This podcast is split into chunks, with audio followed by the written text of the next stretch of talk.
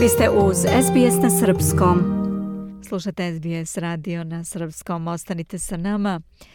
U nastavku tema iz Srbije, članovi odbora Skupštine Srbije za dijasporu i Srbe u regionu održali su juče prvi sastanak u novom sazivu Skupštine na kome je izabrana predsjednica Milica Đurđević-Stamenovski.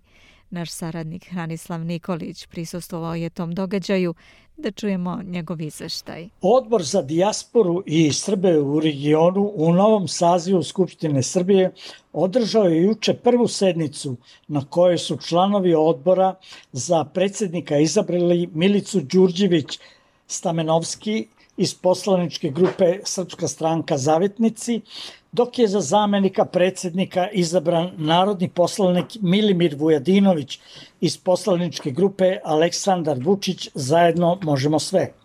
Za članove ovog odbora izabrani su Nikola Bokan, Igor Braunović, Aleksandar Čotrić, Stefan Jovanović, Jasmina Karanac, Ivan Kostić, Sanja Lakić, Miodrag Linta, Dušan Marić, Jelena Milošević, Dušan Radosaljević, Rodoljub Stanimirović, Radovan Tvrdišić i Momčilo Vuksanović.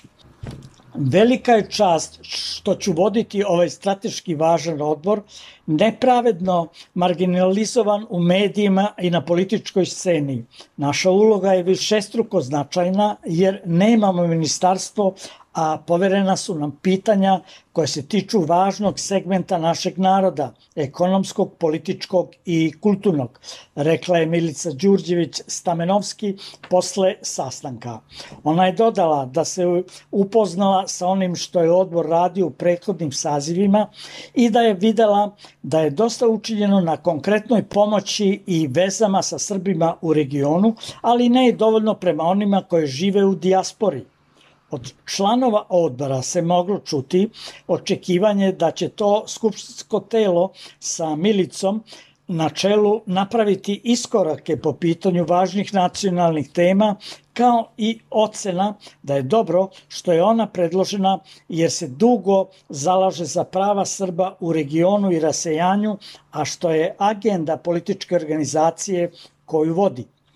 Tokom sednice se čulo od članova odbora da je neophodno da se vrati ministarstvo za dijasporu, da se dijaspori da pravo glasa, kao i da bi se dizanjem spomenika trebalo dužiti sedmorici Srba genijalaca iz Sjedinjenih američkih država koji su bili deo misije Apollo.